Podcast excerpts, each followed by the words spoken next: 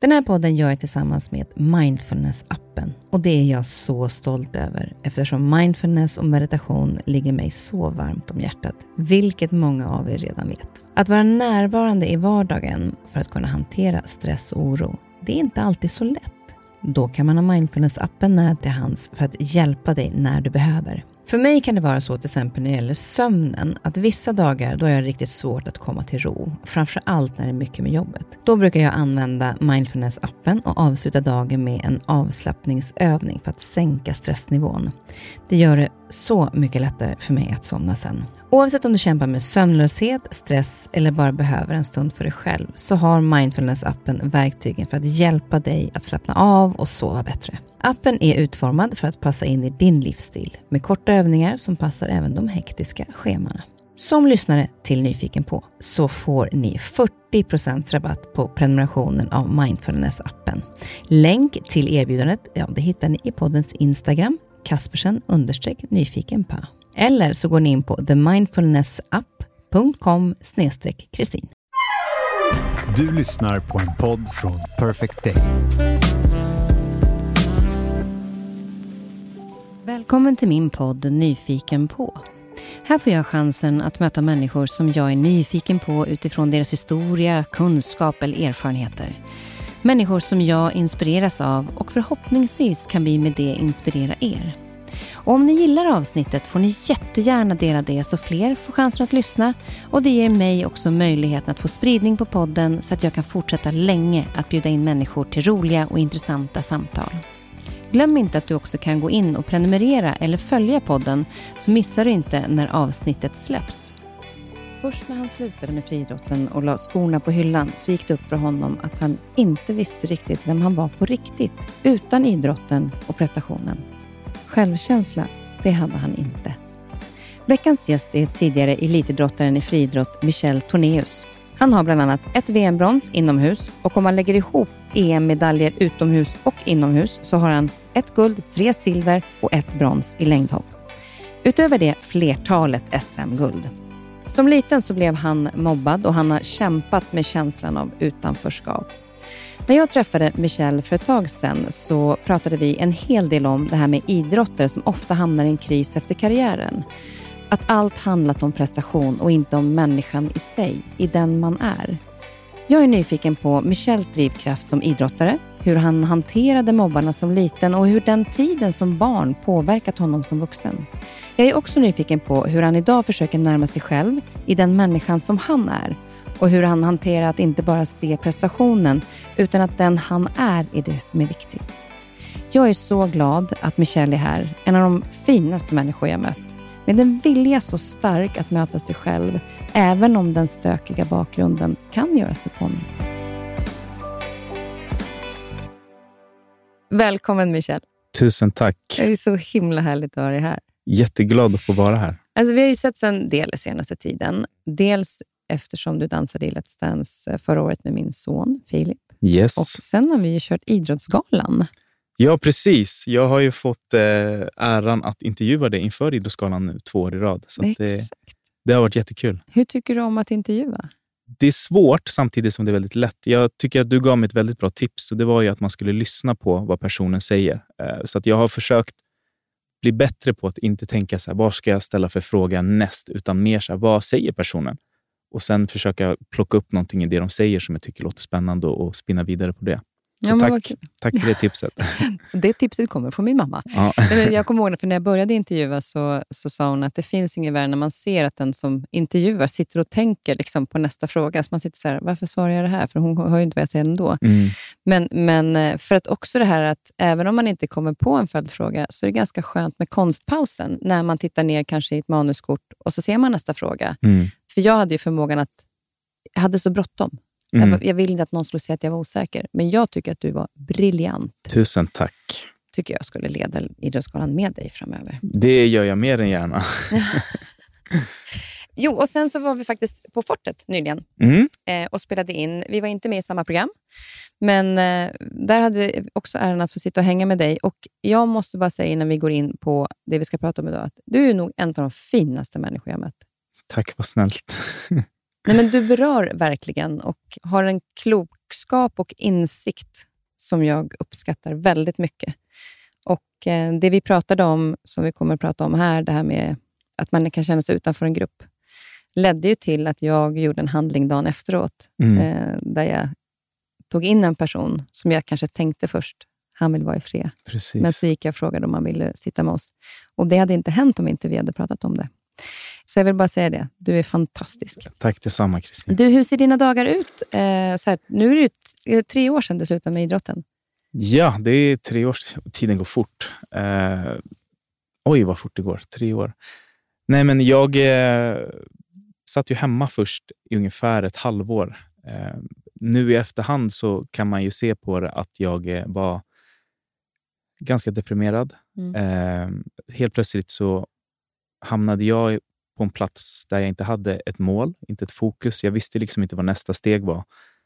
Men det slutade med att jag hade en kompis som fick mig att gå på en praktik på en eh, kommunikationsbyrå. Så att jag började där i februari 2020. Var där i ungefär en och en halv månad, sen kom ju corona. Fortsatte kriga på och har varit där sedan dess faktiskt. Eh, så jag började som först en PR-konsult och sen nu på senare tid så har jag gått över till en produktionsledarroll, vilket jag tycker är jätteroligt. Eh, Som du vet så älskar jag produktioner. Jag gillar att vara både framför och bakom kameran och så att nu får jag verkligen det bästa av båda världarna. Så att jag är jätteglad. Ja, för du kommer precis från Göteborg nu på morgonen. Mm. Eh, ska sägas också att det här eh, avsnittet eh, sänds i juli, men vi spelar in det innan semestern börjar. Eh, och Då har du varit iväg på just en produktion. Och just, Då jobbar du ju bakom kameran. Man har ju sett dig mycket framför kameran. Vad är det du tycker är spännande med att jobba bakom kameran? Jag tror att mitt intresse började när jag var och spelade in Mästarnas mästare. Eh, innan det hade man gjort lite reklam och, och, och lite sådär. Men att komma till en, liksom en stor produktion där du har i princip tio, vi var väl tio deltagare eh, framför en kamera. Och så tittar man bakom kameran och ser att oj, det är typ 50 pers som har liksom uppgifter som de måste lösa för att det här programmet ska bli så bra. Och Det tyckte jag var så fint och just den sammanhållningen som fanns där bak. Det fanns liksom, alla hade sin uppgift som man skulle lösa, men tillsammans så blir det liksom något så fint som jag tycker Mästarnas mästare är. Det väckte ett ganska stort intresse i mig. Så, oj, det, det skulle vara kul att få vara där bak och vara med i det här teamet och bygga någonting eh, vackert. Jag tycker att det är den bästa vägen om man också tycker om att jobba framför kameran. För att lära sig och veta hur mycket som krävs runt omkring. För det är, precis som du säger, så är det ju alla de bygger ju upp allting så att vi kan leverera bra tv. Precis. Alltså och det- de får aldrig synas. Nej, och det är ju verkligen de som är de stora hjältarna, tycker jag. Mm. Eh, alltså som de sliter ibland. Alltså bara det här nu när man är produktionsledare och ska skriva scheman. Det tar ju oändligt med tid att hålla koll på allt och inte missa någonting. Så det, det är jätteimponerande. Och som, eh, ja, du har ju gjort Let's Dance och du vet ju också att det, det, är så här, du är, det är du och din danspartner på golvet men du har liksom 15 kameror och så någon som sköter, du har ett band med musik och du har liksom folk i öronen till programledarna och folk som sitter i bussarna där ute i hela programmen och någon som sköter eh, reality. Och det, det händer så himla mycket och jag tycker det är så himla häftigt. Och enormt bra utbildning som du säger. Man blir ödmjuk inför sin egen roll när man är framför kameran, när man vet hur många det är som krigar bakom. Är lite som så här Formel 1-förare. Du har en förare som sitter i bilen och kör och det är jätteviktigt, men han har en armé bakom sig som ser till att den där bilen ska vara så bra som möjligt för honom. Och Det är häftigt, väldigt häftigt. Det är just det här som jag tycker så, när jag sa att du är en av de finaste människorna jag mött. För det är inte så många som ser det som jobbar framför kameran, eller tänker på det. Men jag brukar säga det att om inte den tjejen eller killen som kokar kaffet är där, så blir det ingen bra stämning på, Nej, Nej, och, i teamet. Så att alla är viktiga. verkligen. det är liksom verkligen. från... Eh, nej, det, det är häftigt att, att höra. Men vad kul att du eh, liksom både jobbar bakom och framför. Vi ska komma in lite mer på det Mm. sen. Men jag tänkte innan vi kommer in på det här med idrottandet och eh, när du slutade karriären, där du hamnade i den här formen av depressionen, så tänkte jag liksom vi går tillbaka lite grann Mm. eh, med din barndom. Dina föräldrar separerade tidigt. Precis. Men eh, Hur ja. skulle du beskriva din, din tid som ja, men barn i lågstadieåldern? Där? Det jag har märkt är ju att man oftast, eh, här, nu när man har börjat våga gå in mera, det, det har jag liksom inte gjort i mitt liv, utan jag har börjat gå in mer nu. Eh, det är att jag var ganska glad samtidigt som jag var ett väldigt osäkert barn. Jag ville gärna vara den här glada, roliga killen när jag var liten, även när jag kanske inte var det. Eh, det var liksom mitt sätt att, att, att skydda mig själv. Att inte visa. Visa, visa, vad? Nej, men visa dels det här med att, att eh, mina föräldrar hade separerat. Alltså de separerade när jag var tre år. Eh, alltid haft en dröm då om att så här, tänk om farsan skulle flytta hem igen och vi skulle vara alla vi fyra igen. Den saknaden av att liksom ha de rötterna på något sätt. Alltså jag är uppväxt, min mamma är ju från Boden, liksom, uppe i Norrland. Eh, vi är uppväxta i Fittja och jag är ju, liksom, jag är ju svart. Liksom. Eh, att inte få den eh, kopplingen och de, eh, till de rötterna var nog, eller har varit ganska så här, svår för mig.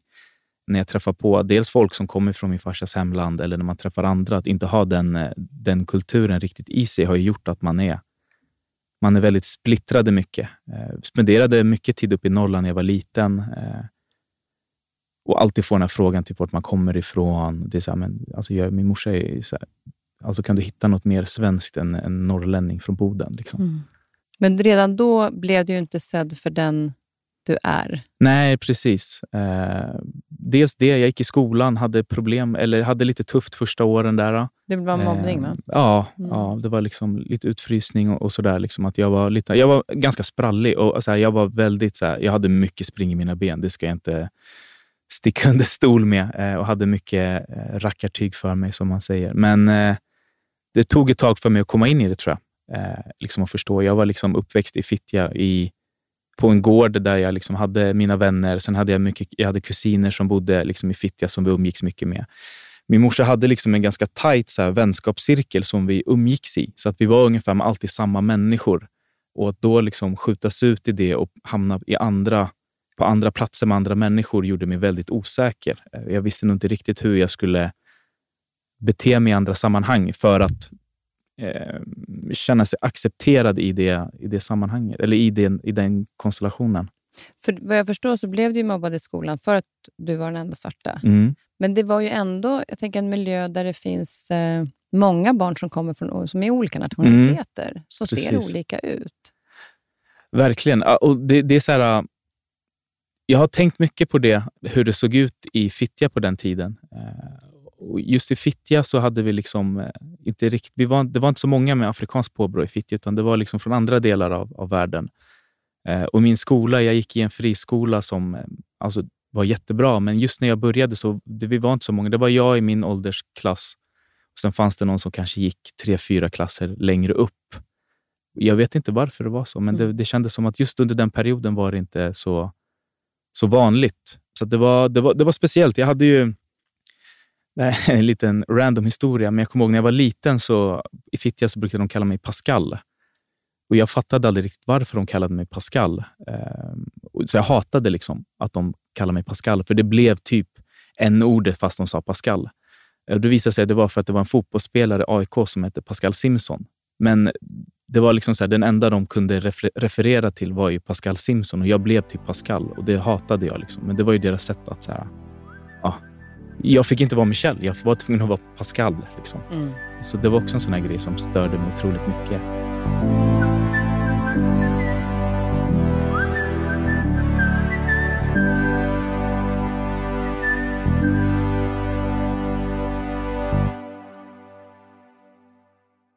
Men, men jag tänker då när man utsätts för mobbning, kan, kan du minnas om du liksom blev arg och ledsen eller stängde du liksom av känslorna i det? Jag tror att jag... Det, det, var väl lite olika. I början var jag nog väldigt, kunde jag bli ledsen. Förstår inte riktigt varför. Kunde liksom inte riktigt luta mig tillbaka till någon i det stödet som kunde sätta... Alltså, jag kunde gå hem till min mamma, men min mamma kan inte riktigt sätta sig in i mina skor hur det känns. Eh, utan Jag hade liksom inget stöd där. Eh, och då, det började liksom med att vara ledsen och sen så går ju det över till att man blir arg istället. Eh, och Jag eh, använde den där ilskan till att typ visa dem vart ju min grej. Och då var det idrotten, liksom. och vi segwayar in där, så var det idrotten mitt sätt att visa. Så du tog med dig den energin in i idrotten? Mm, ja, ja li, lite så skulle jag nog säga. Att det, var, det fanns någonting. Det har, det har liksom kommit upp nu på senare år, liksom när, man har, när jag har pratat med psykologer, att, att jag har haft väldigt mycket så här, eh, jag ska visa dem eh, känsla i mycket det jag gör. Att jag hittar mycket av mitt fokus. Alltså jag kan verkligen vrida ur den här disktrasan när jag har den här, jag ska visa dem eh, känslan. Och ibland har jag skapat den själv. Det är inte alltid så att det har varit någonting, utan jag har kanske hittat något litet och så har jag byggt upp det för att hitta den känslan. Men jag tänker då, var det också inte bara vissa eh, klasskamraterna och de i skolan, men jag tänkte pappa och mamma då, mm. de levde ju inte ihop efter, ja, som du sa, att mm. de separerade när de var tre. Mm. Och pappa levde ju ganska stökigt liv. Det stämmer. Eh, det gjorde han. Eh, så att, eh, han var liksom... Han, kunde, han brukade höra av sig på, ja, när man fyller år, julafton, nyårsafton, men vi hade inte så mycket kontakt med honom liksom, under de åren. Han kunde dyka upp lite då och då, men min farsa gick vidare, träffade en ny fru, skaffade nya barn och liksom hade andra aktiviteter för sig. Mm. Men hur, just att inte ha en pappa i sin närhet, den här manliga förebilden, hur tror du att det har påverkat dig? Jag tror inte det är bra.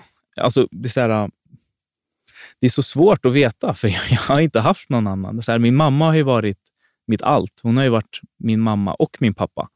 Eh, och Hon har gjort ett fantastiskt jobb, men jag tror att ibland kanske det hade varit skönt för mig att falla tillbaka till någon som kanske har liknande erfarenheter i vissa saker eller saker man skulle vilja prata med. Alltså få ett annat perspektiv, tänker jag. Mm.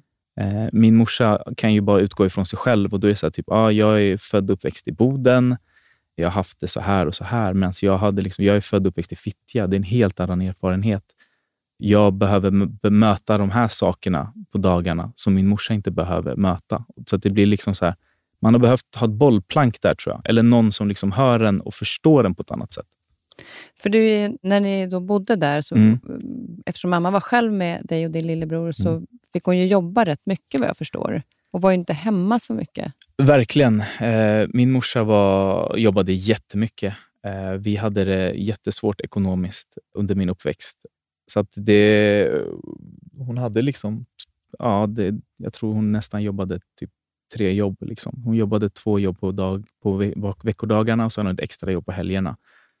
Så att jag kommer ihåg, ett tag så var hon liksom på ett kontor på morgonen och städade. Och så jag kommer ihåg att på morgnarna när vi skulle till skolan så gick vi alltid lite tidigare. Så gick vi förbi ett kontor där i Fittja centrum. Vi var med och tömde papperskorgar och, och moppade av golven och sånt där. Och Sen så tog vi tunnelbanan till skolan. Och Sen så jobbade hon hela dagarna och så, så vet jag att hon brukade stå typ i garderob på kvällarna, på helgerna, på någon klubb. och liksom så här, alltså, Hon var liksom överallt, så vi sov ju liksom väldigt mycket hos mina kusiner eller så sov vi hos någon annan av hennes vänner på helgerna för att hon skulle kunna jobba. Eh, och sen på sommarloven så brukade hon skicka upp oss liksom till Boden för att hon skulle kunna liksom kötta i, ja, över sommarlovet. Jag vet, du sa till mig också så att då förstod man ju inte varför hon jobbade så mycket. Nej. Utan tyckte bara så här, fan hon är ju aldrig hemma. Verkligen. Verkligen. Och, och det är så här, det, det, det är ju det är som med ens barn nu också. Där att de fattar inte varför jag måste jobba på dagarna eller varför jag måste åka bort och göra det här. De vill ju bara att man ska vara hemma. Mm. Samtidigt som ja, det måste stå mat på bordet och räkningar ska betalas. Så att min morsa har verkligen krigat för att det ska, det ska gå. Mm. Eh, så det är liksom så här, jag har så enormt mycket respekt för min mamma. Det är ändå hon som har satt den här arbetsmoralen i en, att man är villig att jobba så hårt som man gör. Men fick, ni fick ta väldigt mycket ansvar för er själva då? Du och din, tog du hand om din lillebror då? Patrik? Ja, ja, så är det ju. Eh, vi hade ju våra grannar mitt emot som hjälpte till väldigt mycket. Men det var ju så här, um, det, på kvällarna, det var, vi, hade, vi köpte en eh, helgrillad kyckling och sen så försökte man koka makaroner eller någonting till det. eh, så vi, vi, tog eh, faktiskt väldigt bra hand om varandra. Eh, och jag tror också att, så här, jag, nu hoppar jag väldigt mycket, men man, så här, jag och min brorsa har ju ett, så här, vi har ett filmintresse. Jag, hade ju så här, jag, jag har Titta tillbaka lite på det här med just filmintresset. Att jag tror att jag har satt mycket av min så här, manliga bild av film. Problemet är bara att när jag var liten så älskade jag att kolla på liksom, Die Hard, eller Sylvester Stallone, Arnold Schwarzenegger. Alltså jag har hittat mina, så här, mina manliga förebilder där som då har liksom satt vissa saker i en som gör att det har varit svårt nu, kanske det här med att prata känslor, vad man tycker och tänker. Utan man ska alltid vara hård och tuff. Liksom. Är det det som du tror att du har plockat mest därifrån? Alltså de, de manliga förebilderna, att man ska vara hård och tuff, att det är att vara man? Verkligen. Absolut. Hur ser du på det idag? Ja, det är helt fel. Men tror du inte att det är ganska vanligt? Jag tror det är jättevanligt att, att man lär sig det. Liksom, att pojkar ska inte gråta, eh, man ska inte visa känslor, man ska liksom bara kötta. Eh, man ska provide. Liksom, det, det, är ju liksom så här, vi har, det finns ju så bilder, stereotypiska bilder på vad som är manligt och kvinnligt. Och det är så här, Jag lär mig fortfarande. Alltså, jag ska inte säga att jag kan allt, utan jag har ju inte, egentligen inte... Jag skulle säga att mitt uppvaknande kom egentligen efter karriären när jag liksom har kunnat plocka bort de här skygglapparna och se. Innan det har jag bara varit väldigt fokuserad på det jag ska göra. Och typ när jag har gråtit innan så har jag typ skämts. Men Medan nu är det så här, fine, alltså mår jag dåligt så mår jag dåligt och jag måste kunna stanna kvar i det för att bli av med det. För det vet ju alla som har varit på en begravning att eh, man gråter och är jätteledsen, men så, när, man är, när man har gråtit klart då känns det typ bättre i kroppen. Alltså man känner att man liksom har fått ut det här eh, och det känns bra. Typ så här, eh, jag vet när vi begravde min gudfar så var jag jätteledsen och jag grät. Men så efter när, när, när man känner att så här, men nu har vi liksom sörjt här och varit ledsna och så går vi till den lilla mottagningen. Då känner man liksom i sin kropp hur så här, man, alltså, man, man, liksom, man, ja, man väcks på något sätt liksom, och kommer ur det. Eh, och, så Det är verkligen en så känsla som jag känner är jätteviktig. Eh, när jag har gjort dåliga tävlingar och har varit ledsen och gråtit så känner jag alltid efter att det känns bättre. Mm. Jag tycker att det är så lite grann som en... Eh, jag försökte förklara för en av mina söner, när, just när mamma gick bort, att det är klart mm. att man är ledsen. Men, och, och, att det inte, han var rädd att det skulle vara jobbigt för mig att vara ledsen. Och så mm. att det är som en, en ballong som håller på att sprängas. Mm. Jag behöver pysa ut den Precis. så att det blir lättare. Mm. Och när man har fått gråta så får man en annan energi. Verkligen. Precis som du säger. Och det är det som är så synd att många killar får höra Nej, men du är ju kille, du ska inte gråta. Mm. Alltså att det är någonting fel. Det är den mest naturliga känslan som vi egentligen har. Vi mm. börjar ju livet med att skrika verkligen, och gråta verkligen. när vi kommer ut. Ja. Liksom. Ja, men det är en viktig ventil tror jag att ha. Mm. Eh, och och jag, är, jag är glad att jag har eh, liksom kunnat släppa på det nu.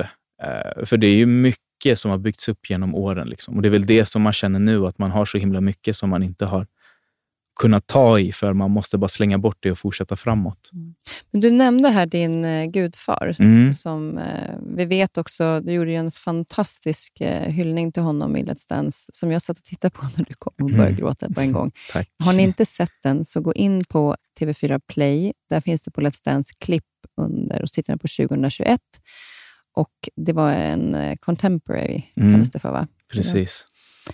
Som var helt magisk. Tack så mycket. Ehm, det, det, det, programmet var väldigt tufft för dig att göra. Det var Känslomässigt, men, men kanske också väldigt bra. Eller? Jag tror att det var bland det bästa jag har gjort alltså för mig själv. Att verkligen... Eh, jag har bärt det här i så många år och aldrig kunnat processa det just för att Olle dog liksom mitt i min karriär. Eh, jag var uppe på begravningen, men sen har jag liksom mått så dåligt och inte kunnat... Liksom, jag har inte velat ta tag i det. Och Det var som att när jag äntligen, liksom, när vi gick in i alltså den veckan, oj vad jag grät. Alltså jag grät. Jag grät alla avsnitt förutom dansprogrammet, för då var jag tom på tårar. Men i repen grät jag. Liksom, det var så enormt eh, känsloladdat för mig. Men att få liksom så här, släppa det var liksom en frihet och idag kan jag liksom verkligen så titta tillbaka på riktigt och tänka på Olle och vara glad och skratta och vara ledsen ibland också för att han är borta. Men det gjorde enormt mycket. Och bara det liksom att så här, våga visa liksom vart jag är i stunden betyder väldigt mycket för mig. Att inte alltid behöva ta på mig den här masken som man oftast gör som idrottare. Liksom. Jag går in i mixzone och då har jag stängt av. Jag ska bara svara på frågor och sen så ska jag vidare. Så här, det låter jättekonstigt, men för mig har det varit väldigt så här, läkande att göra tv. Alltså, om man tar liksom för när jag la av och åkte till Mästarnas mästare, då sa jag det liksom innan till, eh, till min sambo så att mitt mål med det här programmet är att jag ska vara 100 procent mig själv. Är jag ledsen så ska jag vara ledsen. Är jag arg så ska jag vara arg. Alltså jag ska visa hela mitt liksom känsloregister när jag är i det. Och Det var första gången jag grät i tv. Och Det här var andra gången. Liksom. Och det, det, har varit så här skönt att få bara vara sig själv igenom hela tiden. Det har varit otroligt lärorikt. Och Det hade jag nog inte kunnat vara om inte jag hade gjort det här och tvingat mig själv att liksom våga vara mig själv. Men just det här med, med Olle till exempel, då, för mm. han var ju en väldigt viktig person för dig. Eh, var han den manliga, en manlig förebild som du har kunnat titta på idag när du letar efter dig själv? Det tror jag verkligen. Alltså, Olle var ju för mig en eh, otroligt eh, snäll person. Han var hårt jobbande. Han jobbade som eh, väktare när, under min uppväxt. Men han var den här personen som alltid var snäll. Alltså, snäll är fel ord. för Han var snäll, men han var inte snäll bara för att vara snäll, utan han hade ett gott hjärta och ville alltid göra saker. Så här, du, I efterhand har man ju hört att han har ju stöttat morsan otroligt mycket i, liksom, i, under vår uppväxt. Eh, alltid så varm, en varm person. Så här, en, en, fin historia med Olle och då hans fru Elsa, min gudmor, det var att deras hus var alltid öppet. Och det, det fanns något väldigt fint tyckte jag med det, att man har så här, äh, ett öppet hus för alla människor. Och min morsa var likadan. Att jag vet att äh, det var någon gång var det en, ehm, en familj som var på torget och sålde kläder. Och På något sätt så blev de kompisar, så det slutade med att varje sommar när de var uppe på det här torget och sålde kläder så bodde de hemma hos dem. De brukade fira jul med oss. Alltså, du vet, så här, vi var på deras bröllop. Så de blev liksom en del av, av familjen. Bara på grund av att de blev kompisar. Så, så det är så här, äh, ja, men du vet, så här, folk runt omkring, när det var liksom släktgrejer så var det oftast... Han var liksom så här, spindeln i nätet. Var, var, var det där du var som gladast när du var liten? Ja, verkligen. Alltså att åka upp till Norrland och hänga med dem tyckte jag var det absolut roligaste. Vad gjorde ni där uppe? Alltså vi fick göra sånt som vi inte gjorde hemma. Alltså vi, vi var ute och cyklade hela dagarna. Jag fick en cykel. Eh, vi fiskade. Du vet, de hade ett landställe som vi åkte till så vi fick vara ute i naturen. Eh, det var, alltså för mig är ju Boden liksom en, en väldigt glad plats. Eh, och så här, jag har, sen Olle gick bort så har jag ju knappt varit där uppe. Jag var uppe på hans begravning, sen har jag inte varit där. Och nu var jag uppe när min mammas andra morbror Lasse, som också betyder väldigt mycket, gick bort för några månader sedan. Det var första gången jag var där uppe på, ja, vad är det, sen 2009. Och bara att få komma upp och liksom se den här platsen var för mig väldigt... Så här, ah, varför har jag inte varit här för? Varför har jag hållit mig borta för? Liksom, det här är ju en plats som du egentligen älskar att vara på. Men det var just det där att det kändes så tomt när inte Olle fanns där. Samtidigt som det var väldigt så här, skönt att få ta med mina barn upp och visa dem och förhoppningsvis nu också i framtiden kunna ta upp dem dit och få visa dem där att fiska, du vet, vara i naturen, tälja kniv. Alltså alla de här sakerna som, som man inte gör i Fittja i vanliga fall. Nej. Två olika världar kan man säga. Verkligen. Eh, du har ju en eh, lillebror som du har vuxit upp med, mm. men du har också fler syskon. Mm. Hur många syskon har du nu? Eh, vi är tio stycken om jag räknar rätt. vi är många. men det, du, har, du har fått reda på några lite senare. Mm. Men hur kommer det sig? För det var några i England, va? Pappa har, varit lite, han har bott lite överallt. Ja. Är det så? Ja. men har du kontakt med några? För det blir ju en stor familj. Jo, men absolut. Det, alltså, eller så här, inte, de, jag har ju små syskon som bor, eh, som bor ganska nära där jag växte upp, som jag liksom har haft kontakt med, eller som jag har kontakt med. Sen blir det ju, liksom, i och med att vi bodde i andra olika hushåll, så blir det liksom aldrig riktigt den där... Jag vet inte hur det är med dig och dina syskon, men för oss var det liksom, i och med att inte vi bodde med varandra så har man liksom sitt eget. Men vi, vi träffas ju när det är grejer. Mm. Liksom. Mm. Och det är ju mina småsyskon. Liksom. Behöver de hjälp så ställer jag upp. Och, jag, jag, tänker på dem. Liksom. Och, ja, nu när man själv har barn så kommer de förbi och liksom så, här är din faster och farbror och sådär. Så, så det, det är väldigt kul att ha mycket folk runt omkring sig. Men men det är ju liksom min lillebror eh, Patrik som är liksom min eh, närmsta. Liksom, vi har ju verkligen växt upp med varandra från dag ett. Och ni har väldigt nära kontakt? Det har vi. Eh, det har vi. Och sen så har vi ju barn i ungefär samma ålder, vilket också gör det väldigt skönt. För nu mm. kan ju de liksom, kusinerna leka med varandra. Så det, det känns det bra. Det är så himla härligt. Ja. När man liksom, även det knyts an, mm. eh, barnen tillsammans. Att det inte bara vi vuxna som har eh, banden, utan att man ser liksom hur hur de leker tillsammans. Liksom. Verkligen. Det knyter verkligen. ju familje... Det här hjulet blir större och större. Mm, precis. På något sätt. Det, ja. Men jag tänkte på idrotten. då. Hur, mm. hur kommer det sig att du hittade idrotten? Alltså det var en jätteslump att jag hamnade i eh, idrott överhuvudtaget. Jag hade liksom inte haft... Jag var ju så liten, men jag hade inte de tankarna alls. Utan eh, på min gård så spelade man ju fotboll. Eh, jag var inte jättebra på fotboll, men jag brukade spela. Sen var jag väldigt idrottsintresserad, men i och med att inte vi hade ekonomin så gick det ju inte att, att testa. Liksom jag kommer ihåg att jag ville testa hockey, men det var liksom så här, nej. Jag eh, var inne på liksom tennis ett tag, det gick liksom inte heller. Eh, Så att av någon slump så var det en, en granne till mig som jag uppväxt med, som jag brukar kalla min stora syster, som tog med mig på en så här, ah, prova på-dag i friidrott. Så vi åkte över till andra sidan kommunen, till södra Botkyrka, till Tumba. Och så var vi i en gympasal där och så fick vi testa på typ, jag tror det var typ så här 40 meter, det var höjdhopp och stöta kula. Och det gick eh, ganska bra för mig och då frågade de så här, men skulle inte du vilja börja med friidrott? Så jag bara, det låter jättekul. Och i och med att Tina då, som hon heter, också började så fick ju jag. Och sen fastnade jag där. Det var så, det, för mig var det så här, oj, nu träffar jag andra människor som jag tyckte var roliga och sköna. Jag fick en gemenskap utanför liksom, gården och jag var duktig på någonting. Gjorde liksom att det, det kändes bara helt rätt. Jag blev kär, jag blev, ja, men jag blev helt kär i, i liksom friidrotten och hur den funkade. För jag tänker på just det här med att, att från att i skolan kanske inte känna sig inkluderad mm. eller en del av ett sammanhang, mm. blev det en väldigt stor kontrast då, att det blev det, det motsatta? Där. Verkligen. Verkligen. Och det, det var liksom, det, det, det, låter lite ro, det här kommer låta lite sjukt, men jag började i en förening som hette Tullinge Tumpa finska förening, där det var väldigt mycket finska, vilket jag inte kan.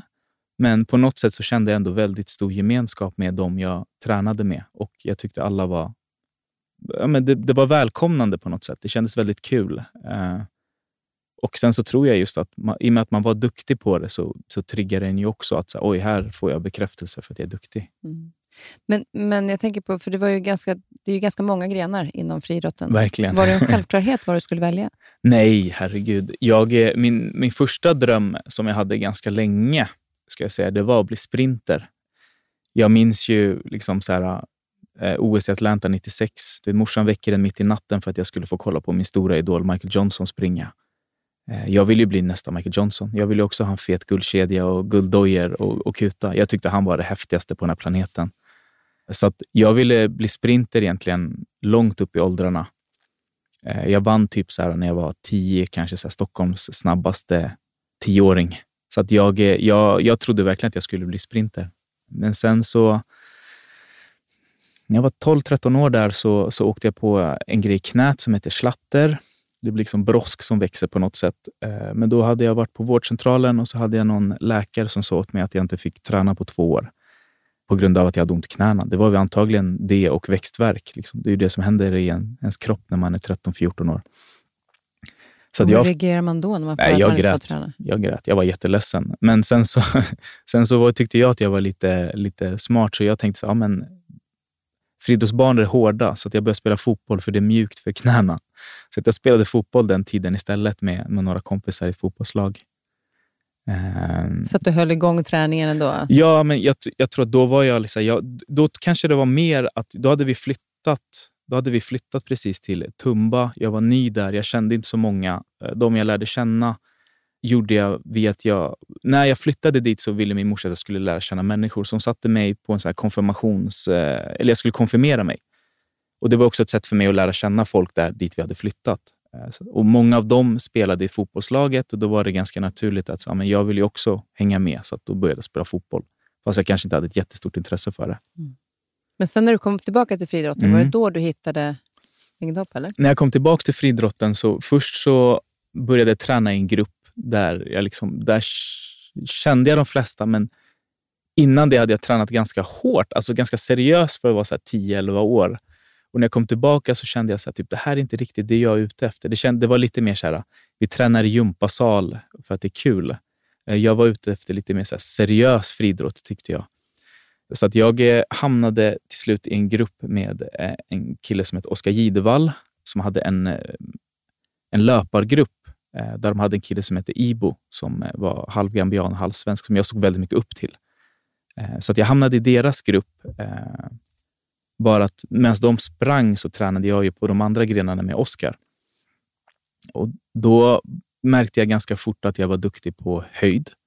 Så då gjorde jag mitt första ungdoms-SM, gjorde jag höjdhopp och tänkte att det skulle bli någonting.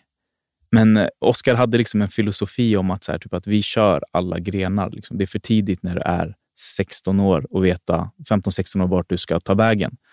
Så att jag hoppade ju även längd och tresteg och körde kort häck. Ehm, men efter det så gick jag över till häck, korthäck sprang jag. Så att jag började liksom, jag vann mitt första ungdoms-SM på 110 meter häck. Så då tänkte man så, ah, men nu blir det nog häck istället. Så jag vann häcken, jag kom trea i längd och fyra i tre steg. Och så körde vi på där ett tag. Och sen så, ja vad var det? När jag var 17. 16 kanske. 2003 säger jag istället. Ja. Då, eh, då kvalade jag i längdhopp till ungdoms-OS och blev sexa där. Och där någonstans så började det väl bli lite så här, okej, okay, nu kanske vi lägger lite mer fokus på längden, men vi fortsätter köra de andra grenarna. Så då helt plötsligt sprang även 300 häck och 400 häck och var ganska duktig och vann liksom SM på det också. Så att jag hade en ganska bred så här, paljett av vad jag skulle göra. Men eh, jag landade faktiskt i att jag skulle köra 100% längdhopp. Eller jag skulle satsa på längdhopp. Det var när jag hoppade 7,94 när jag var 19. Då var jag en centimeter från svensk juniorrekord och en centimeter från att kvala till EM. Och liksom då började sponsorerna höra av sig. Så det var egentligen där och då liksom jag bestämde Så jag var 19 när jag bestämde mig för att det är längdhopp jag ska köra.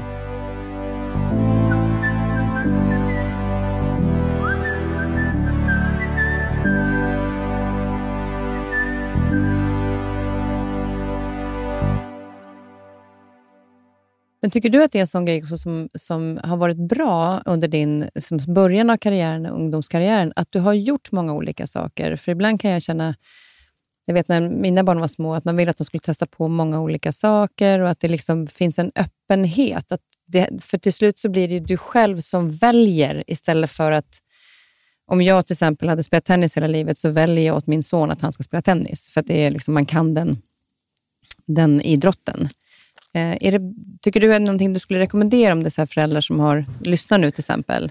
Att, att göra den resan? Jag, jag personligen säger ju ja. Um, jag tror ju alltså dels på allsidig träning. Um, vi har ju liksom hamnat någonstans i att man ska placera ett barn i en, nu drar jag bara ett exempel, med säg, tennisskolan, de är sex år och sen är det det de ska göra. Uh, jag tänker så här, typ, vilken idrott du än håller på med så kan du alltid lära dig och dra nytta av andra idrotter. Spelar du tennis så är det jättebra att köra friidrott och köra sprint, för du behöver vara snabb i tennis. Och kanske spela fotboll för att bli snabb i vändningarna. Alltså, det, man kan liksom hitta fördelar i allt. Sen är ju friidrotten så himla fin eftersom den är så bred. Alltså, du får ju allt ifrån att springa långdistans till sprint, till att bli stark och kunna kasta iväg någonting, till att bli eh, explosiv och elastisk för att hoppa. Det finns liksom en enorm bredd i det och jag tror inte man kan veta förrän man är, liksom, förrän du egentligen i princip har gått ur tonåren, vart du kommer hamna någonstans. Jag har sett många exempel på folk som eh, är jätteduktiga när de är barn. Sen kommer tonåren och då växer man kanske, man blir lite bredare, man blir lite tyngre man har inte samma kroppskontroll. Liksom att mycket ställs till där. Alltså är man redan seriös när man är ung till att gå in i det här, äh, liksom de här åren där man liksom inte har någon koll på sig själv. Det kan förstöra ganska mycket för en, tror jag. även rent mentalt. Att säga, shit, nu funkar inte jag som jag ska. Så att jag tror verkligen att man ska skynda långsamt. Det är liksom en filosofi som jag har i, i mitt liv. Det är liksom så här, det, alltså, livet är ett maraton. Jag ska inte, det finns inga sprint, utan du ska bara tänka långsiktigt det du gör. Ja, och jag tänker också att när kroppen ändras då i det läget så kanske kroppen passar bättre till en annan gren eller Verkligen. en annan idrott. Eh, inte att det inte, inte passar idrott, utan det är bara en annan del. Och har du då med dig den kunskapen från olika typer av idrott så blir det ju lättare att kunna välja en annan väg ja. än att man har fastnat i verkligen, det ena. Verkligen. Jag har ju sett så här, alltså, typ, jag, hade en, jag tränade med en tjej som var jätteduktig på höjdhopp när vi liksom var yngre. Till att hon kom in i tonåren och kom ut och egentligen så här, hon passade bättre vid kast. Hon hade liksom långa armar och den räckvidden som är jättebra i kast. Så hon började kasta diskus istället och blev jätteduktig i det. Mm. Men det hade man inte trott när hon var tonår, eller så här, innan tonåren att hon skulle bli en diskuskastare. Och väldigt duktig, har liksom varit med på SM och Finnkamp och sådär. Så att jag tror inte att man ska stirra sig blint för tidigt på vad man ska göra. Eh, det finns ju exempel på folk som har börjat sent och kunnat bli riktigt bra i idrotter. Sen finns det ju alltid såklart alltså, Mondo Duplantis. Liksom. Det, det, finns sådana, men det är inte många där ute, utan de flesta kommer ifrån att man liksom har kört på och testat olika. Daniel Ståhl som vann OS i diskus har ju spelat hockey till exempel. Mm.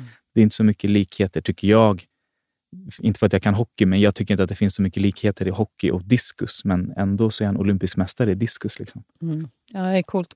Jag tänker på just det att det blev en individuell idrott. Mm. Eh, med tanke på den bakgrunden du har med att kanske inte få komma in i gruppen, blev mobbad. Tror du att det blev så att också blev en... Även om du hade ju förutsättningarna för att bli en bra friidrottare, men tror du att det var skönt också att hamna i en individuell idrott med tanke på den bakgrunden du hade? Jag tror det. Alltså, till viss del så är det ju såklart att man känner att i, i en individuell idrott så kan jag styra och ställa själv. Jag är liksom inte beroende av någon annan. Och Sen finns det någonting, jag tror, när det går bra så går det bra för mig själv. Men den ännu starkare är kanske att när det går dåligt så går det dåligt för mig själv. Är jag ett lag och jag gör dåligt ifrån mig och förlorar, då, har jag liksom, då kommer jag känna att då har jag svikit hela laget. Och det är en känsla som jag är livrädd för. Alltså att svika andra. Jag kan liksom, när jag åker på ett OS och det går dåligt, då kan jag liksom må dåligt. Egentligen mer för att jag kan sitta där och tänka så här, oh, när jag har lagt ner så här mycket tid, när jag har svikit liksom familjen, jag har svikit min tränare, jag har svikit alla som sitter och tittar på tvn och hejat på mig. Snarare än att jag har svikit mig själv. Var kommer det ifrån? Jag vet inte. Jag tror kanske att det handlar om att man vill, eh, som alla, man vill vara omtyckt, tror jag. Ehm, det är liksom ett sätt för mig kanske att känna att jag är omtyckt och duger. Att jag liksom gör det bra. För det är så, när det går bra, då, då får man ju ryggdunkarna och man får grattismeddelandena och folk säger att jag är så stolt över dig. Och det, är så här, du, du, det får du inte när det går dåligt. Du får ju väldigt mycket kärlek. Det, det är bara att i, när man, där och då så är man väldigt blind för det. Mm. Väldigt blind för det. Man ser ju inte det positiva när det går dåligt för en. Hur var du som idrottare? Otroligt, som otroligt fokuserad. Jag hade liksom eh, en bra, tajt grupp. Eh, väldigt seriös i det jag gjorde. Alltså, jag lämnade ingenting åt slumpen skulle jag säga. Eller ja, jo, vissa saker kanske. Men just när det kom till träningen så var jag enormt fokuserad och väldigt drivande. Du berättade tidigare om det här med att om du hade liksom en ilska inom dig så kunde du nästan hitta, en, mm. alltså hitta någon att bli arg på. ja, skulle. På vilket sätt då? Nej, men det, det kunde vara så här. Jag skulle säga att jag har haft två faser i min idrottskarriär. Eh, I min första fas då var det väldigt mycket ilska. Då kunde det vara små saker. Inte så här, eh, till exempel tävlade jag mot en, en kille från Ryssland som inte kunde engelska. Så vi har egentligen aldrig pratat. Men så kunde jag vara så här, typ, om han råkade trampa på min markering, så då, då var det så här, eh, för mig var det så här, typ, aha, han försökte förstöra för mig nu. Nu jävlar ska jag visa honom. Det kunde vara tävlingar där jag... Liksom, jag, jag hade fi, mina motståndare var fiender utan att de egentligen hade gjort någonting. Eh, jag kanske aldrig hade pratat med dem, eller jag såg någon på uppvärmning och kände så här, fan vad kaxig han ser ut som att han kommer gå och vinna det här. Eller någon var högljudd. Alltså jag sökte alltid någonting som kunde göra att jag skulle få fram den där lilla extra taggningen i mig. Men eh, det intressanta är att 2011, på hösten 2011, så började jag träna med eh, en ny träningskamrat som heter Carolina Klyft, som kommer in med en helt annan approach. Så i början så kraschar ju det min hjärna. Så, varför är jag så glad för? Liksom, du vet, så här, jag var ju liksom så här, du vet, jag körde ju hårt liksom när jag tränade. Det var hög musik och det var liksom verkligen. Men när hon kom in så kommer jag ihåg, hon kom till ett eh, pass. Kom, det, var, det var en av de tuffare passen som vi gör när vi springer en backe där man typ så här, alltså det är, så här, det är det jobbigaste passet på året. Och så kommer hon in så här och bara så här typ, alltså fattar ni vad skönt att vi får träna och sen kommer vi få åka på mästerskap. Hon bara, fatta att det är OS nästa år. Fatta hur kul det ska bli. Och från att jag alltid har känt innan att, så här, att det finns något jobbigt med mästerskapen för jag måste prestera för andras skull. Så kände jag helt plötsligt så här, ja, fatta att jag ska få åka på OS. Hur coolt är inte det? Jag kommer ihåg 96 när jag var tio år gammal och kollade på Michael Johnson. Och nu får jag chansen att göra det han gjorde. Så det var verkligen som att någonting bara boop, vände. Och sen så började jag jobba positivt istället. Så från den dagen så hittade jag liksom en glädje till det jag gjorde. Och det som hände 2012 och framåt är att då började medaljerna rulla in. Liksom, så från 2012 till 2019 tog jag ju en medalj varje år i liksom ett internationellt mästerskap. Men hur För... coolt är inte det? Att det mentala, hur det kan Bara att man ändrar en inställning. Verkligen. Nej, men det, och, och det är så här, och det är det som har varit så intressant och det har inte jag reflekterat över förrän efter. Att, så här, att Helt plötsligt så såg jag fram emot mästerskapen. Innan det tyckte jag det var jobbigt. Och efter det så blev jag istället kompisar med alla mina motståndare. Vi hejade och hjälpte varandra. Innan pratade jag inte så mycket med dem. Helt plötsligt nu är jag ju alltså fortfarande än idag bra vänner med dem. Vi pratar, jag hejar på dem. Du vet, när det är mästerskap så hör jag alltid av mig och snackar. Så från att det har varit jobbigt och tufft till att hitta den här glädjen i det gjorde ju det mycket bättre för mig. Jag mådde mycket bättre. Liksom, jag såg fram emot träningarna på ett annat sätt än vi gjort innan. Jag, eh, jag njöt mer av liksom min tillvaro, skulle jag säga. Jag mådde mycket bättre. Allt tack vare att någon bara lyckades vända på det jag, på mitt sätt att tänka. Och Det är, så här, det är det som är så intressant tycker jag med idrott. Att det är klart att det, det finns mycket fysiskt som är viktigt, men det mentala är nästan viktigare. Vågar du inte tro på det, alltså vågar, jag brukar alltid säga till mig själv att jag ska släppa på handbromsen. Vågar du inte släppa på handbromsen så kommer du inte våga. Så du måste våga vinna. Men hur, hur hanterade du då? Eh, hur hanterade du vinster och hur hanterade du förluster? vinster är ju någonting som jag aldrig har varit... Så jag ska inte säga att jag är bra på att hantera dem, utan jag skulle säga att jag hanterar dem inte alls.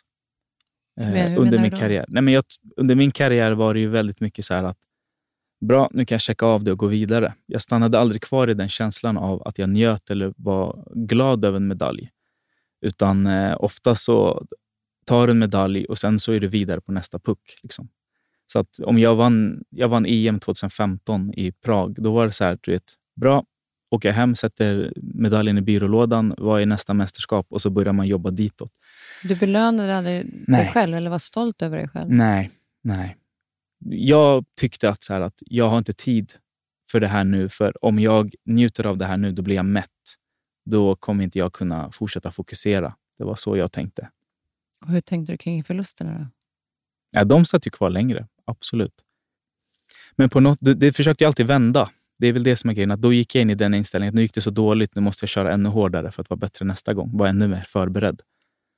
Så att, eh, ja, man försöker ju ta lärdomar av när det har gått dåligt också. Och jag tror att för mig var det drivkraft. Liksom, när, jag, när det gick sämre i perioder så försöker man alltid tänka så, ja, men det alltså, idrottskarriären är en berg och dalbana. Det kommer gå bra och det kommer vara dåligt, men när det är dåligt då är det bara att kämpa hårdare så kommer det att vända förr eller senare. Du måste bara ha is i magen ha tålamod.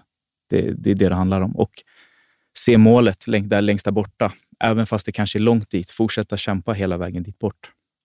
Och sen kom du till den dagen där du bestämde dig för att sluta. Mm. Herregud. Vad minns du från den, den tiden?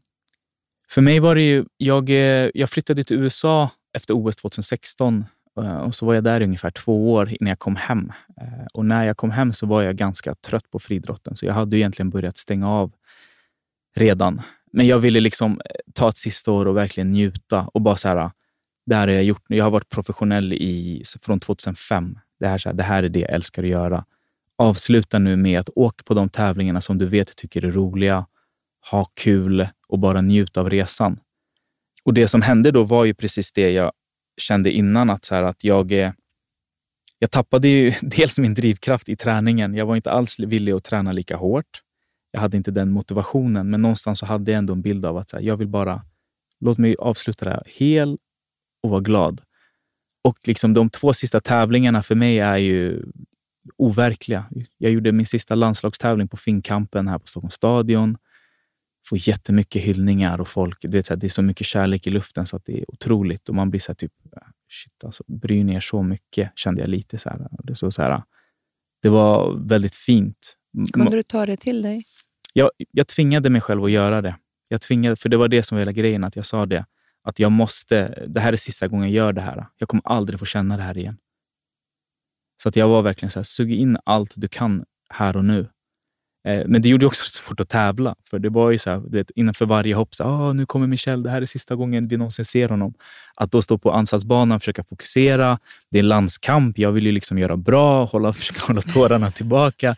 Så det var liksom, vet, barnen och familjer och alla sitter framför en på läktaren och vet, barnen har målat flaggor och det är så här, tack för allt Michel. Alltså, vet, Det var liksom väldigt emotionellt. Men så här, i efterhand är jag så otroligt tacksam folk har brytt sig om vad jag har gjort. För det är så här, i slutet av dagen, det är jag som har varit i hallen varje dag och slitit och kämpat. Men de har liksom varit med mig ändå. Och Det ser man kanske inte under idrottskarriären, men där, när man får avsluta den på det sättet, då ser man ju verkligen att folk tar till sig det som man har gjort. Och det, det, man blir glad. Jag blir glad i själen. Mm. Än idag när folk kommer fram och tackar för liksom alla spännande stunder i tv-soffan så blir man ju så här, tack så hemskt mycket att ni liksom ger er dyrbara tid på att titta på vad jag gör.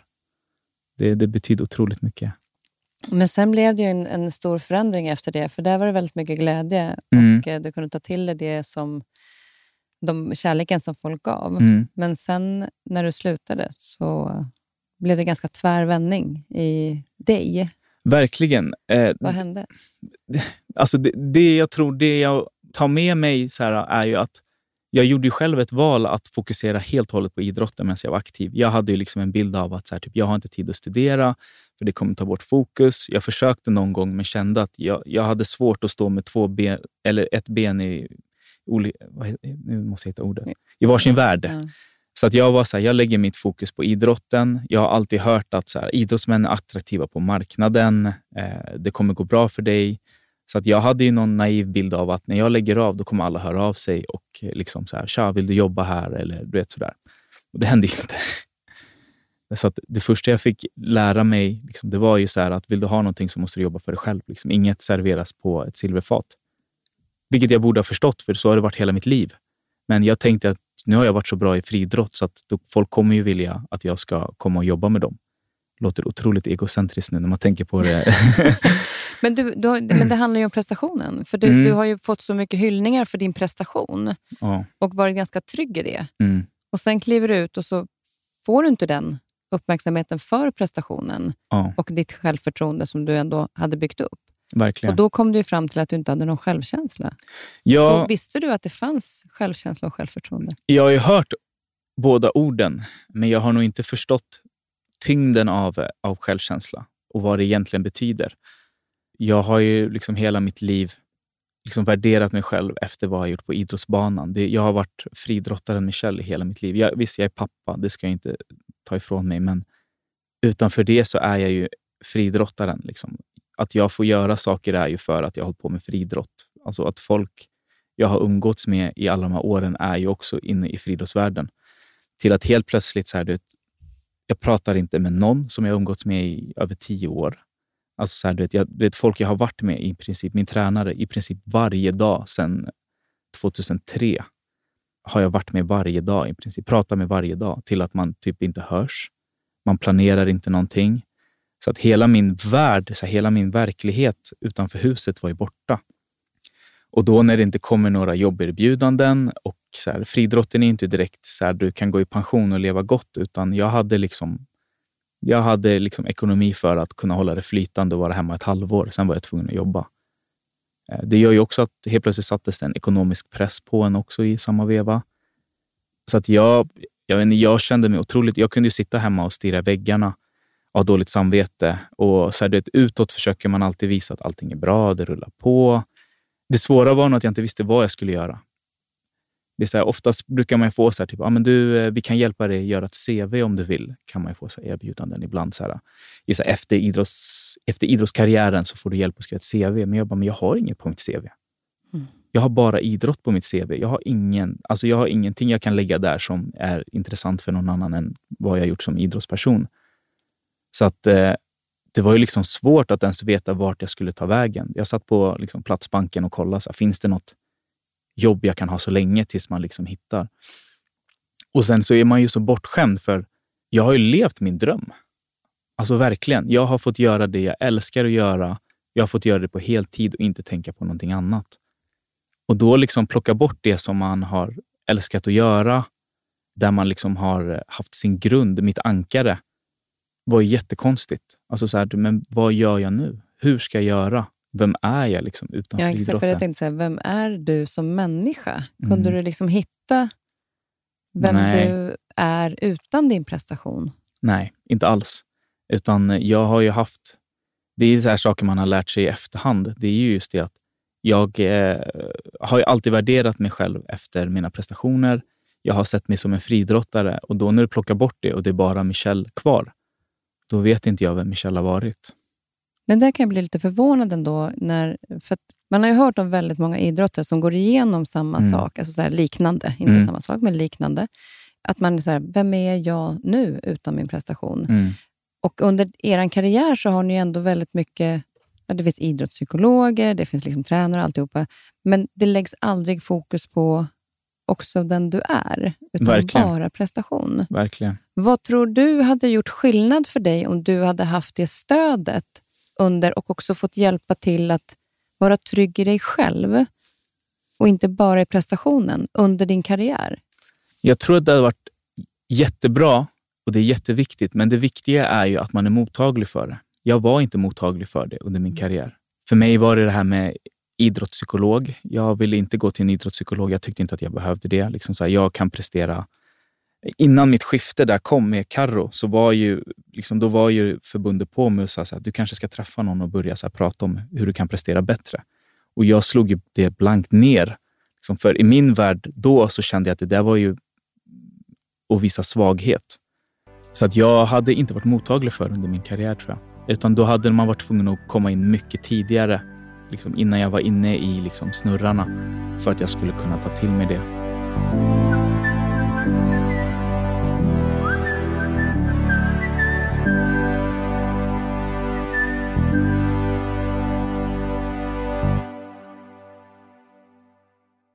Men hur tror du skillnaden hade varit om, om vi tänker att man kanske redan i skolan jobbar med det och inom barn och ungdomsidrotten? Vikten av att du är bra människa. Mm. Eh, så den här förlusten, du står ändå. Liksom. Eh, hur tror du att du hade... Hade du presterat bättre eller hade du hanterat situationer bättre om du hade haft en större trygghet i dig själv?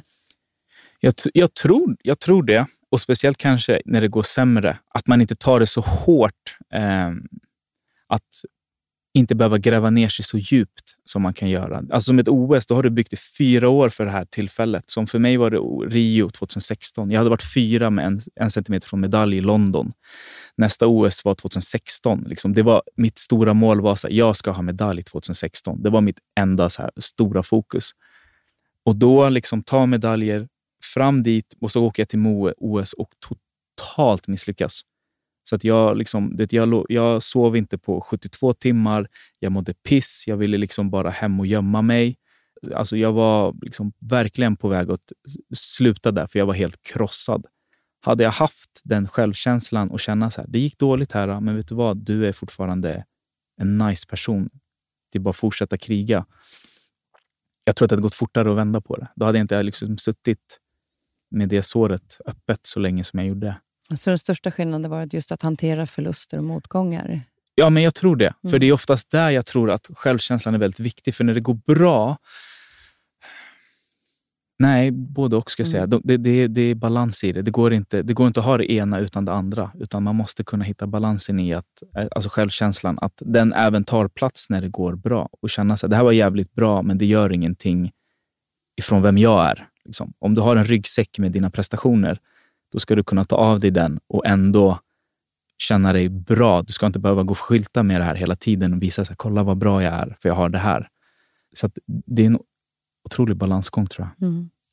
Hur har du jobbat med dig själv efteråt för att komma tillbaka och kanske hitta mer självkänsla för att hitta nya vägar? Alltså, det är en process. Eh, mycket handlar ju i att bara vara nöjd i sig själv och inte söka bekräftelse från andra. För det är oftast det, det, är det mycket handlar om, att man söker bekräftelse av andra. Vad tycker de? Vad gillar de? Gillar de när jag gör så här? Eller vad det nu än är. Och någonstans också landa i så här, vet du vad? Jag är en ganska bra person. Eh, jag är på det sättet jag vill vara utan att lägga någon större värdering i det, tänker jag. Det är väl det som är alltså i grund och botten mycket det det handlar om. Liksom så här. Och så nu när man har barn, det är så här, men vad vill jag, hur vill jag att mina barn ska vara? Som jag vill att de ska vara, där måste jag ju också vara. Jag kan inte sitta och lära dem att de ska säga tack för maten om jag inte själv säger tack för maten. Nej. Eller så att de ska plocka undan disken om inte jag gör det. Så att man måste så här, så att jag, jag tänker mycket så här, typ, hur vill jag, vad vill, när mina barn liksom, nu börjar bli större och ska liksom ta sig ut i världen och träffa andra människor. Hur vill jag liksom, att de ska hantera situationerna? Där måste jag själv vara. Så att även när jag coachar dem så coachar jag mig själv i samma veva. Och tänker du mycket på det då, att det är viktigt att de får vara den, den personen de är istället för bara det de gör? Verkligen. Verkligen. För det är en grej som är ganska... Det är så lätt att, jag tror vi har pratat om det flera gånger i podden Mm. tidigare, men att det här med att ge beröm för en prestation är så Mm. mycket lättare, för det är så synligt. Alltså, Verkligen. det är en medalj eller det är bra på proven. Mm. Men att någonting som de gör, ja, men till exempel de plockar in i diskmaskinen, Mm. så är det duktigt att de gör det, men tack för att du hjälpte mig. Mm. Det betyder mycket för mig. Mm. Alltså så att de är en fin människa i det, den hjälpen de gör. Verkligen. Och det är det som egentligen ibland kan vara svårt. Att vi tror att vi bekräftar dem för den de är, men det är oftast också för det de gör. Mm. Men det är det som någonstans lägger grunden till, just det här som du säger, att också kunna vara mottaglig för det framöver. Mm. Verkligen. Men du har ju också utmanat dig själv att gå in i liksom olika comfort zones, som, eh, som Let's Dance till exempel. Ja, alltså jag tror ju, eller för mig, jag har ju levt i min lilla skyddade verkstad med, med idrotten. Eh, liksom otroligt fyrkantiga med tider och rutiner. Liksom. Allt är ju liksom en klocka. Det är så här, jag har haft en Skalman-klocka på hur jag har levt mitt liv. Och jag tror att för att växa som människa så måste man utmana sig själv. Går jag exakt samma väg varje dag till tunnelbanan så kommer inte jag lära mig någonting nytt. Utan jag måste liksom ut och utforska och se liksom, vad finns det för andra sidor av mig själv. Vad, eh, vad tycker jag är kul? För det är också en sån här grej, ibland när det brukar vara så här, när de frågar så, ah, men vad är din hobby? Då kan jag sitta där som ett frågetecken ibland. Så här, vad, vad tycker jag egentligen om? Och då att utmana mig själv har gjort att jag har lärt känna nya sidor av mig själv som jag inte ens visste att jag hade. Och även utmanat mig själv för att inte vara alltid så trygg i situationer, att ha kontrollen. Och Let's Dance är ju verkligen ett sådant sammanhang där man säger typ, nu ska jag dansa i tv. Det är, liksom, det är så långt ifrån mig samtidigt som det har varit otroligt lärorikt. Man har lärt känna sig själv på ett annat sätt. Man har vågat visa känslor. Eh, man har fått lära känna nya människor från helt olika delar av liksom, Sverige eller olika delar liksom, av ett liv. Mm. Jag fick ju lära dig känna din son där till exempel. Mm. Så vi, har ju, vi är ju otroligt olika på många sätt, men vi funkar väldigt bra tillsammans. Och det, det, det finns något spännande i det. Jag har insett att jag är en ganska social person. Jag gillar att träffa nya människor, ta nya intryck och Har det vara blivit social. lättare då att kliva in i grupper nu än förut? Mycket lättare. Mm. Mycket, mycket lättare. Förut hade jag, alltså, eller så här, när jag var friidrottare så tyckte jag inte det var något problem. För då var det ju min, mitt självförtroende, mitt resultat som jag kunde komma med. Jag kände att jag var bra. När du plockade bort friidrotten ifrån mig, då tappade jag ju väldigt mycket i det här som jag gjorde att jag kände att jag hade ett värdigt rum. Så om jag kom på någon tillställning och så visste jag att du skulle stå där och några till, då hade jag tyckt det var asjobbigt. För jag kände så här, oj, här är jag i underläge på något sätt. Att jag hade inte alls känt mig bekväm. Men eh, nu när jag liksom börjar känna att jag är, liksom, när min självkänsla är mycket bättre och jag känner mig bekväm i den jag är, då behöver jag inte jag behöver inte prata idrott med dig eller vad jag har gjort på tv, utan jag kan ju prata med dig om, om vad som helst. Det är sällan vi pratar om det, igen. vi pratar om allt annat. Mm.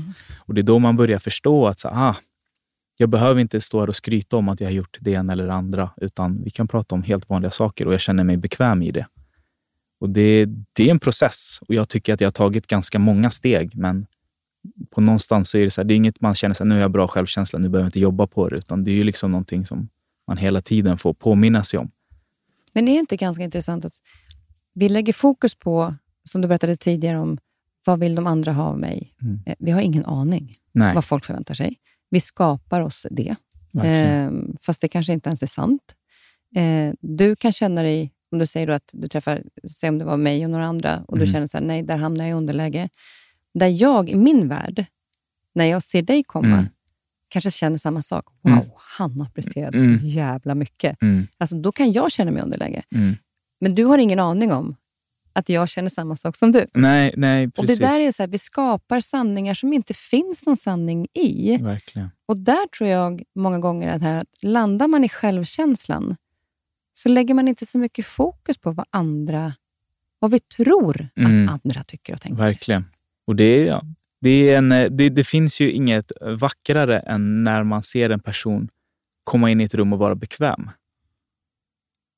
Det, det är ju verkligen så här, du vet, alltså att se någon vara bekväm är ju, ser ju otroligt skönt ut och det är det man liksom strävar efter, att kunna känna sig bekväm. När vi åker ner på Fångarna på fortet nu till exempel, när det är liksom, det är ju, det känns som att typ halva Sverige var där nere nu. Men att då kunna komma in och sätta sig och känna så här, "Ah, kul att vara här, mycket människor man är nyfikna på, men inte känna sig rädd. Eller så här, oj vad jobbigt det här är. Det, det är väldigt skönt och väldigt kul. För nu får man en chans att sitta och prata med människor som man är nyfikna på, men man kanske inte har vågat prata med innan eller för att man är rädd att de ska tycka att man är jobbig eller någonting. Hade du Eh. agerat annorlunda eh, om du till exempel, nu hade du säkert inte fått åka ner när du var aktiv, för Mm. att ni får inte skada er, men om det hade varit den perioden när du inte hade någon självkänsla, Mm. hade du känt dig lika trygg då att komma ner bland alla människor? Mm, då, nej, då hade jag nog hållit mig på rummet Mm. liksom, och bara fokusera på att jag ska prestera bra på, på fortet, alltså på tävlingarna. Vilken otrolig, alltså, vilken skillnad det gör Mm, med just att hitta den, för ens, för ens egen skull. verkligen. För att ta det som, som är runt omkring och få uppleva det. Bara med att, liksom, bara är det inte, för det är ett jobb, att hitta Mm. självkänsla när man inte har den. Mm, Men det visar ju att det är så värt att jobba med det, för det vet Verkligen. jag att du har gjort. mm, Och att man vågar ta tag i saker. Jag vet när jag var yngre, då var det så här, gå till en psykolog. Ja, men då skulle man ju vara, ja, men Mm. typ lite grann som du pratade om idrotten. Liksom. Mm. Det är väl inget fel på mig. Jag är väl Mm. inte sjuk eller nej, precis. Medan man bara, det är ju en lärare som hjälper mig att hitta mig. Verkligen. Liksom. verkligen. Så vikten av att jobba med det. Mm. Och det är, så här, det är skönt, tycker jag nu, att, eh, att som du säger, att det är inte något konstigt längre. Eh, jag tycker på senare år så tycker jag liksom hela det här med alltså mental eh, hälsa har liksom kommit upp på pappret och man har börjat se det. Jag tänker på, liksom, om jag tänker på mina föräldrar och de generationerna innan, då har ju det liksom inte gått. Utan då har man bara fått, som man brukar säga, brösta den och köra. Men det är så skönt att nu att äntligen så här, nu vågar vi öppna upp och verkligen se. För jag tror att i längden så kommer vi ha människor som mår bättre. Mm. Så det är verkligen så här, alltså det är så här all credit till egentligen de yngre som liksom har tagit ett, alltså första klivet ut och vågar prata om det. Vi har haft idrotten har vi ju eh, hon tennisspelaren Osaka och hon gymnasten nu i somras också som har pratat väldigt öppet om det. Och det har ju gjort, jag tror att många av andra som känner likadant vågar. För det är det också, det har ju varit en tabu inom idrotten. Och när man vågar prata om det gör det liksom att man, man vågar mer. Och så här, hade, hade jag kanske hört det här när jag var yngre av någon som jag ser upp till, då kanske jag hade vågat ta i det. Men det var ingen som pratade om det när jag var yngre, vad jag minns. Så det, det handlar om de här förebilderna också, att de vågar visa vägen. Mm. Och sen är det så, alla känner ju inte så, så det kan man inte. Men om man känner så, så känns det skönt när folk vågar visa det. Och eh, jag vet att jag sa det i Let's Dance, att det är ju, egentligen är det ju en styrka att våga visa sig svag. Och det är någonting jag står fast vid. Hade, för några år sedan hade jag kanske inte hållit med om det, men nu när man liksom har fått ett uppvaknande så känner jag att det är okej. liksom. Det är nästan modigare för någon att våga, vara ledsen, våga visa sig ledsen än att stå där och bita ihop och låtsas som att inget har hänt. Ja, det här med att lägga locket på är ju, har ju visat sig också att det är ju inte... Till slut så... Ja, Ja, nej, men det bubblar det ju över ändå. Ja, och att våga... Det, det handlar ju om vad man känner. Mm, Och täpper man för det så är det inte så konstigt att man till slut inte vet vad man känner, vad Mm. man vill. Och, och, eh, men, men det som ska vara vårat nav ser Mm. jag det som. Alltså, mina känslor, Mm. om jag ser till mig, mm, det är ju det som ska kunna hjälpa mig att känna in vad är det jag vill. Vart Verkligen. är jag på väg? Sen är det ju motgångar ibland om man inte klarar av att känna. Men känslor är ju det som är våra sensorer för det här tyckte jag var roligt eller det här är jobbigt. verkligen. Så att, den, den, att våga att ta den resan tillbaka. Mm. Eh, jag tycker att du är otroligt cool i det du gör och att du också öppet pratar om det. För Jag- att det är inte så, jag tror att det är många som också kan känna det, men inte vågar prata om det. Jag, jag tror också att det handlar om att... Jag kommer ihåg att det, jag pratade med, när jag pratade med min psykolog så sa hon det att...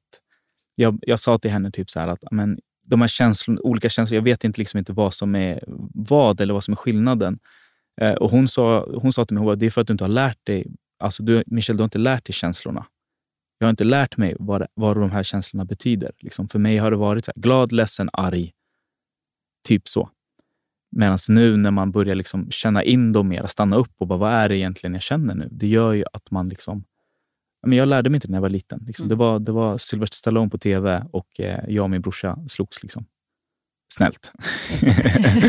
Lägga till lite. Men, men nu ser det annorlunda ut. Ja, men... vad, vad har det betytt för dig att du har gjort den här resan nu? Att uh, jobba med dig själv på det sättet och utmana dig själv på ett annat sätt än vad du gjort förut när det handlat om prestation. Nu handlar det ju om dig. Men jag tror att eh, den, största, den stora risken tror jag är att när, när, hade jag inte gjort det här så hade jag nog inte, jag hade inte mått bra. För jag gick ju runt och mådde dåligt och inte riktigt kunde placera finger på varför jag mådde dåligt. Varför känner jag så här? Men nu kan jag förstå varför. Och så fort du förstår varför så kan du ju även läka det så här, idrottsreferenser är ju så här klassiker. Så här, typ, ja, men du har ont i en tå, men det är inte säkert att det är tån. Det kan vara någon annanstans på kroppen som gör att du har ont i tån. Och det är lite så känner jag att jag... Liksom så att, vad är det som, varför känner jag de här känslorna? Då måste man gå in i sig själv och gräva. Och så här, och oftast hittar man ju saker från tidigare som gör att man reagerar på vissa sätt. Varför reagerar jag på det här sättet i den här situationen? Och så gräver man lite och så hittar man att ja, det här hände dig när du var åtta år gammal. Så att din hjärna går tillbaka till den känslan och vad som hände och därför blir du så här. Som för mig till exempel när jag pratade om att när jag kände mig utanför mycket så var det så att när jag hamnar i, i sådana situationer nu, då blir jag ju påmind om den sexåriga Michelle och de känslorna jag upplevde då. Så det är, så allt sitter ihop liksom i ett, så ja, i någon slags kedja. Mm. Och det var ju en sanning när du var liten, för det var mm. det du kände då. Men idag när du är vuxen så är det ju inte en sanning Nej. som vuxen. Men eftersom det kickar igång de känslorna som du hade när du var sex, mm. så blir det en sanning idag. Precis. Och Det är den som är så intressant. När du mm. säger att just det, det var ju när jag var sex år. Mm. Det är inte sant idag. Precis. Det är så sjukt spännande. ja, nej, men det är fantastiskt att du delar med dig av det. Och, eh, vad, hur ser framtiden ut nu då, framöver? Ja, men jag har lite, alltså dels jobbar jag fortfarande som produktionsledare, mm. eh, vilket jag tycker är väldigt kul. Sen så gör jag väl lite tv-projekt. Jag ska iväg här snart på en mm. spännande mm. grej som jo. vi inte kan prata om än. Nej, exakt. Men eh, jag, jag vill ju fortsätta utforska tv och produktioner. Eh, en dröm som jag har är ju att, eh, att även programleda lite. Jag tycker att det skulle vara fantastiskt kul att få göra lite, lite tv, kanske komma med nya vinklar, testa nya format. Kanske, mm. alltså, någonstans är jag lite så att jag skulle vilja... Jag har gjort, nu har man fått göra lite tv, det har varit mycket tävling. Det skulle vara kul att göra saker där det inte bara är tävling, utan att liksom, ibland kanske lite djupare, ibland kanske lite plattare. Alltså bara variera och utmana mig, själv på olika sätt. Men just tv alltså som programledare skulle vara otroligt kul tror jag, att testa på. Sen gäller det bara att det är liksom rätt format för mig och vad jag passar in i. tror jag. Men det är i alla fall någonting jag tycker är väldigt kul och spännande. Det är så roligt också att du säger att allting, mycket av det du har gjort nu med tv mm. har ju med tävling att göra. Också att du är idrottare, jag är inte det. Hur ja. du såg på Let's Dance. Jag bestämde mig för att inte tänka tävling, mm. utan bara se det som en, att lära sig dansa. Mm. Men det måste också ha varit svårt för dig som är idrottare att inte tänka tävling, eller? Det, det var jättesvårt och jag skulle väl säga egentligen att eh, det var ju mitt första så här, snedsteg blir fel ord, men det var liksom en... Eh, alltså jag ramlade tillbaka i ett gammalt mönster som jag hade tidigare. Och Det var ju att jag gick in i det där som friidrottar-Michelle igen. Nu skulle det presteras, nu skulle det vara fokus eh, på det jag gjorde. Vilket gjorde att man tar bort lite av glädjen i, i det som jag hade jobbat mycket på. Så att jag blev påmind om det. Att så här, för mig, eller så här, det stora uppvaknandet för mig var egentligen sista avsnittet. Då har vi liksom gått åtta program. Jag har krigat och haft kul, men jag har ju lagt enormt mycket energi eh, på det. Men så i, i sista avsnittet så fick jag och Jasmin dansa i finalen, där. I finalen utan mm. att bli bedömda, utan bara dansa för dansandets skull. Och jag kände i den dansen, så här, oj, det här var, nu slappnade jag av. Jag hade kul. Jag var mycket mer i själva dansen än vad jag hade varit innan. Och det blev så mycket friare. Men jag hade haft det en gång innan och det var när vi gjorde den moderna, när jag verkligen var i dansen. Och Då kommer jag ihåg att jag påminde mig själv efter att det är här du ska vara. Var i dansen bara. Men det är så lätt att glömma. För så fort liksom det tänd, lamporna tänds och allt så, så glömmer jag bort det. Så det är därför jag alltid måste påminna mig hela tiden om att gör det här för att det är kul eller gör det för, liksom, för stunden. Var inte i prestation hela tiden. Din, din hjärna oftast går, för det är den har varit van att vara i så många år. Och Det är därför nu till exempel ska jag iväg på ett projekt där jag ska få vara med en person som jag tycker jättemycket om, som jag tror kan hjälpa mig att påminna mig om de sakerna. Att man ska göra saker för att det är kul. Mm. Uh, inte bara vara liksom så här, vi ska vinna, vi ska göra det här. Utan man måste få göra saker för att det är kul och få njuta av det också. Uh, ja, det är så märkligt vad det där sätter spöken i. För att jag vet, de, de, när jag var med så var det ju precis i mitten av snitten när mm. kroppen började ta stryk. och, man, och jag också blev liksom mentalt trött. Då började jag hamna i för att folk kom fram och tyckte mm. och tänkte. och Så, där. så börjar man tänka, då kommer jag direkt in i det här, nu förväntar de sig det här av mig. Mm. Och de två programmen, där gick det inte alls lika bra. Mm. Så fort jag la fokus någon annanstans, än just det här att landa i att bara vara där och jag gör det för mm. mig, då blev ju resultatet mycket bättre. Ja, och det är så. Det är precis det jag pratade om med min idrottskarriären alltså karriären där efter 2000, 2011. Att ja när jag helt plötsligt bara så här, det här är det bästa jag vet, det här tycker jag är så roligt, jag gör det för att jag tycker det är kul. Då blir ju allt så mycket bättre. Och Det kan man också tillämpa, ni som lyssnar, oavsett om det gäller idrott eller om det gäller jobb eller vad den gäller. Att så här, Går jag in i det här för att jag tycker att det är roligt eller lägger jag fokus på att jag måste tjäna in mina pengar eller det här projektet? Att mm. gå tillbaka till så här, har jag det jobbet jag verkligen tycker är kul? Ja, då kanske det är det. Mm. Ja, jag älskar det. Mm. Men lägg fokus där. Negativa tankar stjäl energi. Brukar jag tänka. Verkligen, så är det ju. Och det är så lätt att man fastnar i det negativa snarare än det positiva. Mm. Det är så en klassiker är ju om du... Eh, om jag är och tävlar och så går det bra och så får jag 99 positiva och så en negativ. Den som stannar kvar med en är den negativa. Och det är så här, Varför dras man till det negativa? en kommentar när du har 99 stycken som är positiva. Mm. Varför lägger du inte då antingen, eller egentligen ska du inte lägga energi på någon, men är det något du ska ta med dig så är det positiva. Det negativa kan man låta ligga där och gå vidare. Vi har ju pratat en del om hjärnan i de här avsnitten och där är det delvis så att, att äh, säger de att vi är ju från savannentiden så är vi ju gjorda, vi måste överleva. Mm. Och då tittar man på faran och det som är, kan vara ett hot. Mm. Och därför blev det fokus på men vi behöver också jobba mer med det. För det, men jag kan tycka att det är skönt att tänka så här, jaha, det är min den här mm. hjärnan ifrån savannentiden. Ja, bra, bra. Så att jag kan ta bort den, därför att den är inte sann. För jag kommer att överleva, det kommer gå jättebra. Mm. Ehm, så att det har inte med mig som person att göra att jag tänker så, utan det är med hur kroppen och hjärnan är mm. funtad för att ja. vi ska överleva. Vi är programmerade så. Exakt, exakt, men vi lever inte på savannen. Nej. det var ju du nyfiken på.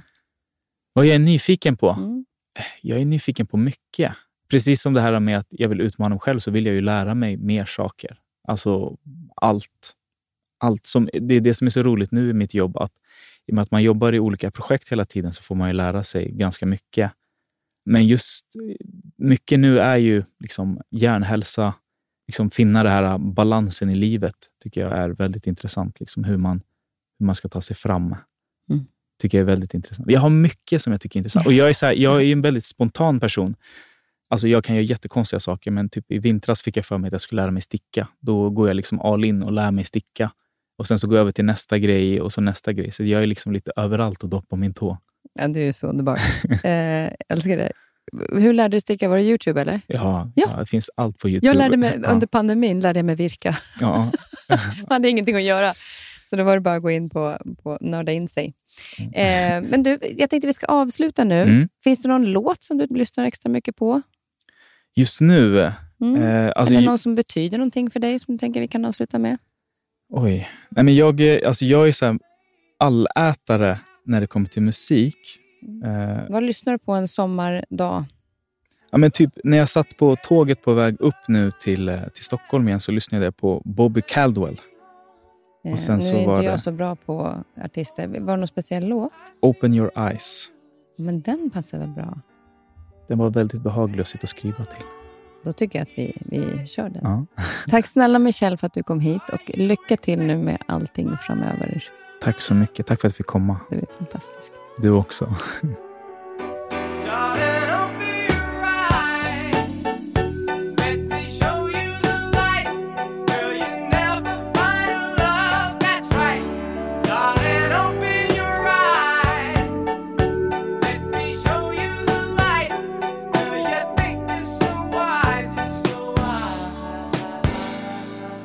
I nästa veckas avsnitt träffar jag den enormt uppskattade arkitekten Thomas Sandell. Vi pratar om hans idéer i sitt skapande och var det kommer ifrån. Varför han älskar att ta in det moderna in i det nordiska som han skapar. Hur man tänker hållbart och om det finns likheter mellan att rita stora fastigheter till att designa ett par skor. För det finns det nämligen. Han ger också tips om vad vi ska tänka på om vi vill bygga nytt, bygga till eller renovera. Missa inte nästa veckas avsnitt.